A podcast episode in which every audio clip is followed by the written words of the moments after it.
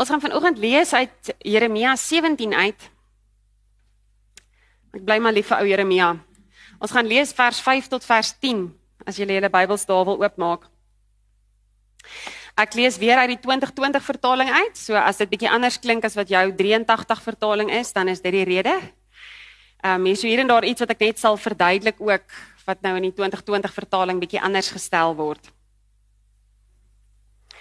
Hierdie is 'n gedeelte van Juda se volgehoue sonde en dan is hierdie God wat met die volk praat en die volgende vir hulle sê. So sê die Here: Vervloek is die man wat op mense vertrou, wat in mense sy krag vind, maar sy hart draai van die Here af weg. Hy sal wees soos in die Jenever of ek weet nie om daai uit te spreek nie, Jenever struik in die Araba. Nou die Araba was 'n woestyngebied. Hy sal dit nie opmerk wanneer die goeie kom nie. Hy sal tuis wees op dorpplekke in die woestyn, op brak grond waar niemand woon nie. Dit is my so mooi gesê, hy gaan nie opmerk as daar goeie goed kom nie. As jou hart van die Here af wegdraai, kan jy nie eens die goeie goed raak sien nie. Dan vers 7. Geseënd is die man wat op die Here vertrou, wie se vertroue die Here is.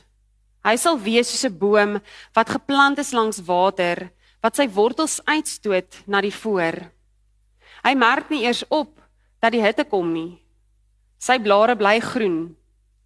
In 'n jaar van droogte raak hy nie angstig nie en hy hou nie op om vrugte te dra nie. Dan vers 9 en 10. Die hart is bedriegliker as alles. Dit is ongeneeslik. Wie kan die hart verstaan?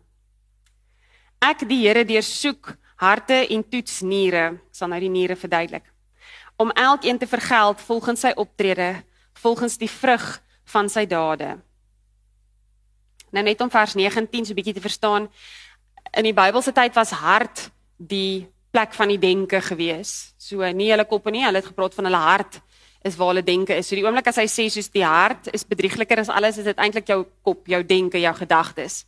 Niere was weer die plek waar hulle emosies was. So dis ons hart het hulle hulle niere gehad. Dis daai maar dit dit kom van want as jy op jou senuwees is, is dit nie hier nie, dan is dit hier, verstaan? So vir hulle was dit emosies is ervaar in die niere. So as hulle sê hart, hart en niere, is dit nou in vandag se tyd ons kop en hart. God deursoek jou kop en jou hart. Net tot sover. Ons kan hierdie gedeelte in 3 dele opdeel. Deel vers 5 en 6, vers 7 en 8 en dan vers 9 en 10. Nou as ons vers 5 en 6 lees, dan lees ons daarvan 'n bossie wat in die woestyn groei wat sonder water is, wat nie groei nie, tegnies nie groei nie. As jy the message vertaling lees, dan praat hy van 'n tumbleweed, 'n tolbos en ek dink nogals dit is baie gepas. Is dat dit dis 'n ding wat in die woestyn groei wat nie wortels het nie. Die oomblik as jy jou hart van die Here afdraai, is jou wortels daarmee heen en dan raak jy 'n tumbleweed wat in die hitte verbrand wat in die wind rondgewaai word. En as ek die prentjie wat ek in my kop het, is hierdie prentjie van hitte en droogte en verlatenheid. Waar niemand wil wees nie, want dit is nie lekker nie. Daar's niks koelte nie, daar's nie water nie. Dit is die lewe van iemand wat sy rug of sy hart op God draai. En dalk nie eers bewustelik hart of kop op God draai nie, maar wat ander dinge belangriker ag as die Here waar die mense en dinge om jou belangriker is as wat God is en dan draai jy jou hart op die Here. Dis nie noodwendig ek kies en sê Here, ek draai nou my hart op U nie. Dis 'n Here, daar's ander ding wat vir my belangriker is as U. Is ook hierdie persoon. En dan ontwortel jy jouself. Dan ontwortel jy jouself as jy vir God sê, Here, skuif net my so 'n bietjie op die agtergrond. Dis dan wanneer die son skyn, wanneer die lewe se hitte kom en jou verbrand en jou stikkend brand. As jy vir die Here sê sorry net gou 'n bietjie. En dis nou hier waar ek moet erken dat die laaste paar weke in my lewe waar ek weer begin skoolkarry het en moet werk en alles was dit so ook 'n storie wat ek soos gesê het, Here, wag net gou 'n bietjie. wag net gou 'n bietjie. As ek my rotine het, as ek my rotine het, sal ek weer plek maak vir u, maar is net nou heeltemal te besig. Soos ek ek kry nie 'n rotine nie. So ek weet nog nie waarom u in hierdie ding in te in te gooi nie. En weet julle wat het gebeur die afgelope paar weke? Ek het nie rotine gekry nie. Ek het net liewer al hoe meer soos 'n tolbos begin rondwaai in die wind en soos afkop hoender begin rondhardloop. En dit is uitputtend. Dit is uitputtend om te probeer alles vir almal wees en seker te maak jy onthou alles en jy vergeet net niks en dis uitputtend. Ek gaan nie eers vra wie van julle het ook al daai ervaring gehad van van hoe uitputtend dit is om om net al die balle in die lug te probeer hou nie. En op die einde is dit onmoontlik. Nou, hierdie laaste week was so 'n battle in myself geweest dat ek um die van julle wat my ken of wel baie op hierdie stadium seker sal weet dat as ek 'n leesrooster teks spreek op 'n Sondag is dit omdat Nadia nie lus was vir preekwerk die week nie. Of net nie soos ek het net ek het die Here gemis hierdie week. So toe sê ek soos Here, okay, donderdag is ek soos Here. Hallo. Soos onthou jy my? Hier is ek nou terug by jou. Ek het 'n preek hê vir Sondag en ek het niks. Soos okay Nadia, leesrooster. Leesrooster. So vanoggend se teks is 'n leesrooster teks. Maar kan ek vir julle sê wat was my ervaring van hierdie leesrooster teks? Dit was soos in hierdie hitte dag, daai 46 dag en ek stap in Parel se hoofstraat en die Here kom en hy roep my nie mooi nie. Hy sê Nadia, hier is jou bak yswater. Kom net by. Ek is hier vir jou, my maggies. Hoekom skuif jy my dan net die hele tyd kant toe? En sê wag Here, laat ek net eers my rotine kry. Dit was wat hierdie teks aan my gedoen het toe ek dit lees. Dis ek sê Okay, ek dan nie bedoel jy met so hard met my praat nie. Bietjie sagter. maar dis presies wat die tweede gedeelte van hierdie ding sê ek is hier kom net na my toe van vers 7 en vers 8 het ons hierdie boom wat by 'n waterstroom geplant is of wat dalk selfs nie eers by 'n waterstroom is nie maar wat se wortels diep gaan soek totdat hy sy water kry wat al hoe dieper en verder en mooier groei daai prentjie wys vir ons iets wys vir ons iets van dit. Dis hierdie stuk droë aarde en hier kom 'n plantjie uit. Soos daar's nie 'n rivier naby daai dingetjie nie. Maar sy wortels, die van julle wat weet, 'n doringboom met 'n penwortelstelsel wat vrek diep gaan totdat hy water kry om te groei. En dan groei hy daar tussen niks, groei hy dan. En alhoewel hy kan aanhou groei is as hy sy wortels diep hou, is as hy sy wortels daar gaan hou waar die water is. Dit is so mooi daai the flower that blooms in adversity is the rarest and most beautiful of all. Nou dis nie fliek Mulan, maar dis nie Mulan wat dit gesê het nie, dit was die emperor wat dit vir Mulan gesê het. 'n Mens kan 'n blommetjie wat in 'n woestyn groei net soveel meer waardeer, want jy weet hoe hard hy moes werk om daar te groei, om daar aan die gang te bly en om staande te bly. So hierso sê God nou vir ons vers 7 en 8. Ek is hier. Hou op om mense of jou dagboek of geld of rotine of whatever hou op om op dit staat te maak. Hou op om te dink dat as jy eers 'n rotine het of as jy eers meer geld het, as jy eers beter vriende het, as jy eers 'n beter werk het, as jy eers weet jy wat alles het nie, dan sal jy 'n goeie lewe hê en dan sal jy jou wortels laat groei. Hou op, want dit is nie hoe dit werk nie. Jy gaan nie 'n wortelstelsel gegroei kry as jy nie my eerste sit nie.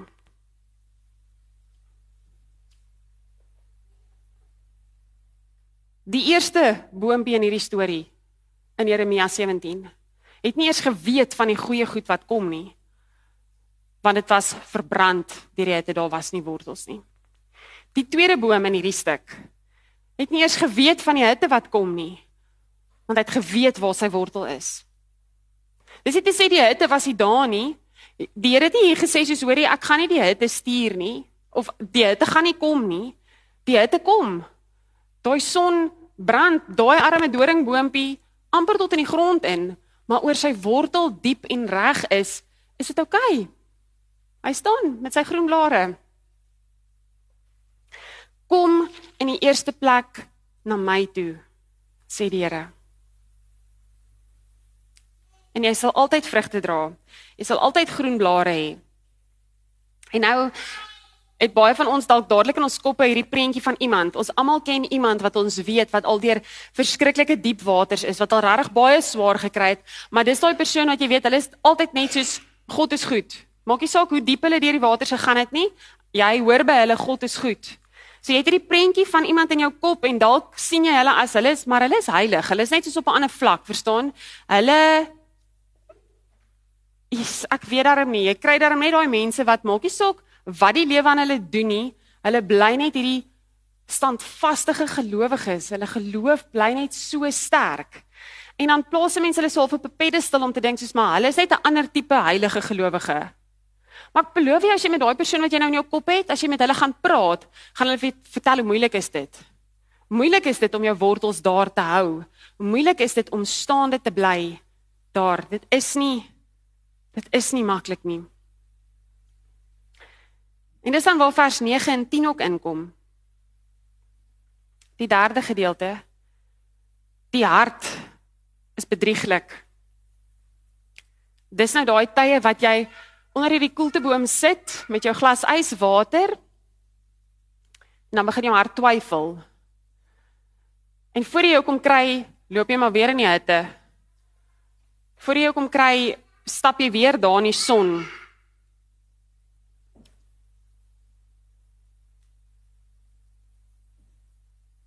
om regtig gewortel te wees in God. Om altyd te bly. Om altyd daar in sy koelte te bly. Om altyd sy koue water te drink. Is nie net iets vir mense met 'n verskriklike goeie geloof of ouens wat heilig is nie. Dis iets wat God vir elkeen van ons wil hê. Nou kan jy dalk sê, maar whatever Nadia, jy weet nie hoe lyk my kalender nie. Jy het nie 'n klou wat in my lewe aangaan, hoeveel kinders ek moet rondry, hoeveel huiswerk ek moet doen. Jy het nie idee hoe lyk my goed by die werk nie. Jy het nie idee hoe moeg ek as ek in die aande by die huis kom nie. Hoe lyk my lewe nie? Ek is nie heilig genoeg om my wortels op die regte plek te hou nie. Ek kan net Sondag, party Sondag, ook nie elke Sondag nie, kan ek afstaan om hierdie wortelgroei ding te doen. En dis wat baie van ons dink baie van ons doen. Dit moet goed genoeg wees. Dit moet goed genoeg wees om net op 'n Sondagoggend vir die Here te sê, "Oké okay, Here, nou het jy die limelight. Jy moet hom vat, hoor." Want dis al wat jy het vir die res van die week. God kyk nie na my en jou En dan sien hy ons besige skedules. Hy sien ons groot werkslading. Hy sien die sleg wat in ons lewe gebeur en dan dink hy, "Ag, shame, dis okay. Ek verstaan as my kind net op 'n Sondagoggend by my uitkom nie. Ek verskoon hulle maar. Dis dis okay." Nee. Hy sê nie, "Ek verstaan dat my kind nie vir my tyd het nie." Ek verstaan dit. Hy kyk na my en jou. Hy kyk na ons skedules. Hy kyk na die mense wat vir ons belangrik is en hy sê, as jy maar net eers na my toe kom. As jy maar net eers vir my tyd wil maak.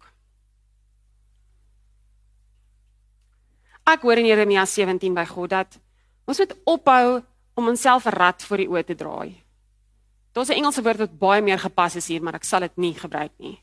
Ons moet ophou om vir ons te maak asof dit oukei okay is om God op die kant te skuif, want dit is nie oukei okay nie. Dit is nie oukei okay nie. Ons moet ophou om verskonings uit te dink vir hoekom ons dink dis goed genoeg om God net op 'n Sondagoggend tyd te gee in ons lewens.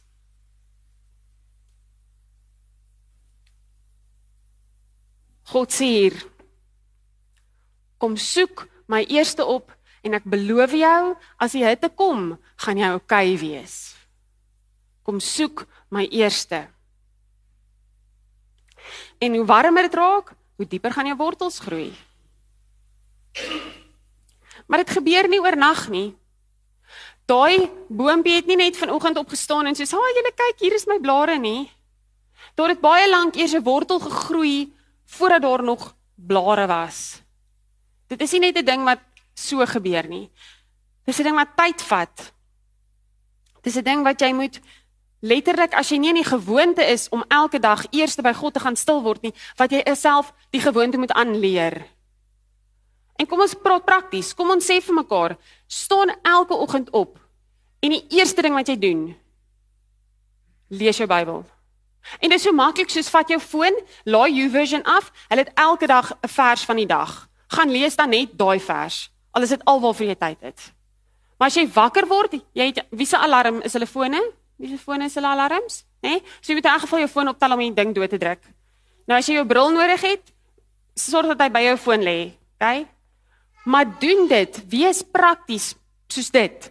En die eerste ding wat jy opstaan in die oggend, al is dit kunsmatig aan die begin is lees net daai een versie. Lees net daai een versie. Statistieke het bewys vir oefen vir tyd saam met die Here spandeer sulke belangrike goeders wat ons nie as baie belangrik beskou baie keer nie. As jy nie voor 11 in die oggend daarvoor tyd gemaak het nie, is die kans dat jy in die res van jou dag daarvoor gaan tyd maak soos 10% dink ek.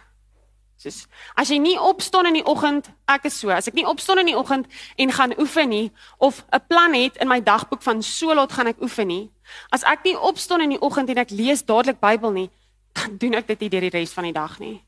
Dan klim ek vanaand in die bed en ek sê, "Ag, oh, sorry Here. Môre probeer ek weer." Dis statistieke. So doen dit. Staan op in die oggend en begin jou dag met die Here. Vir jou kinders ook. Maak hulle wakker en deel met hulle iets oor die Here. Sê net vir hulle Jesus is lief vir jou. Verstaan? Soos alhou ek dalk as mamma nie op hierdie storie baie van jou nie, want jy het my so kwaad gemaak gister. Jesus is lief vir jou.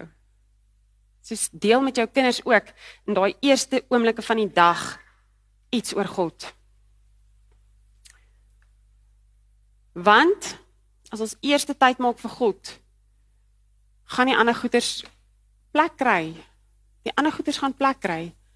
So belaglik soos dit klink, so crazy soos dit in my kop ook is, is ek net soos Here, nee, ek dink jy verstaan mooi nie. Ek moet eers my dagboek reg kry. Ek moet eers my goeders reg kry en dan sal ek kyk waar pas u in. En dan is daar nooit plek vir God nie. Maar as ek eers sê, Here, u is eerste in my dagboek. En dan sal ek vir al die ander goed plek kry dan kry ek plek vir al die ander goed. Want dan is God nie net 'n stukkie ding wat ek inplak iewers nie, maar dan is hy deel van alles wat ek doen. Dis nie maklik nie. Ek kry dit nie altyd reg nie. Maar dis belangrik. Dis so belangrik. Ek gaan nou vir julle 'n lied speel van Casting Crowns waar hy sê soos Here hierdie woestynpad is nie die pad wat ek gekies het nie. Ek is nie lus vir dit dit wat op my pad kom nie. Maar ek kies om U te volg. Vir kopiedige redes mag ons nie die lied waarna Nadia hier verwys hier speel nie. Maar ons het vir jou 'n skakel in die beskrywing van hierdie post gesit. Maak seker dat jy dit wel luister. En dan as jy klaar is, kom jy terug na hierdie opname toe en jy luister na die gebed van Barend Vos wat hierop volg. Ek lees vir ons 'n gebed. Verwerking van Psalm 16. So het alles toe uitgewerk, nê, nee, Here. U het ver vooruit gesien. Veel verder as wat ek kon dink of droom. En toe het u die tent binne daar ingeslaan. My blyplek, my werkplek. 'n Tuiste wat u vir my, u kind kom uitmeet het. Ag Here, Ek is jammer dat ek deur die jare heen aanhoudend daaroor gekla het. Dat U juis hierdie plek gekies het. Dis dan so anders as wat ek my dit voorgestel het toe ek nog jonk was.